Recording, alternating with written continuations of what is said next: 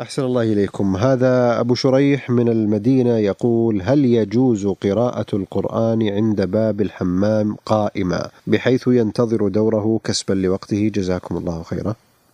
آه، الممنوع آه، بالنسبة لقراءة القرآن إذا دخل الخلاء. إذا دخل الخلاء فإنه لا يجوز أن يقرأ فيه القرآن.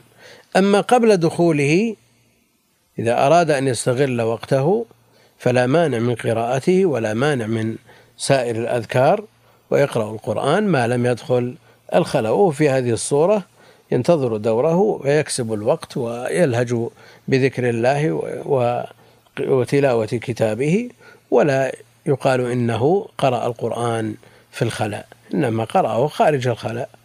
فلا, فلا إشكال في هذا إن شاء الله تعالى.